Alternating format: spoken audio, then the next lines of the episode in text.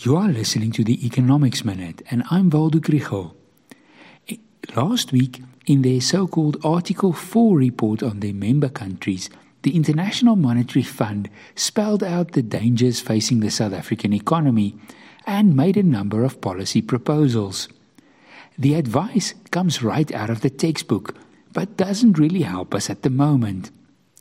This episode is supported by Economic Research Southern Africa and the NWU Business School. If one wants to draw a medical analogy, the South African economy is in a high care unit. The blood pressure has fallen, breathing is shallow, and the patient has a high fever that does not want to break.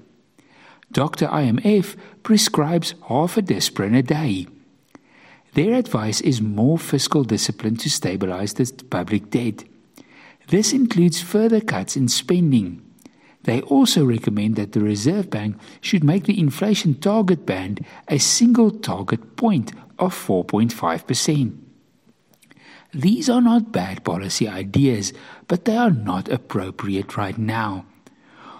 One also understands why the recommendations are made to Treasury and the Reserve Bank.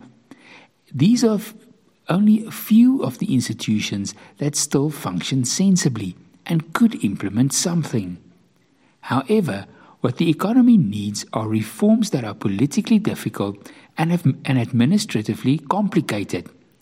To make the struggling state stand back and make room for the private sector must happen at all levels and in different departments. Improving the education system, healthcare, or local governments is like a lifestyle change. It's going to take a long time, it will be difficult, and have losers in the existing system. But this is hard stuff to advise on from Washington.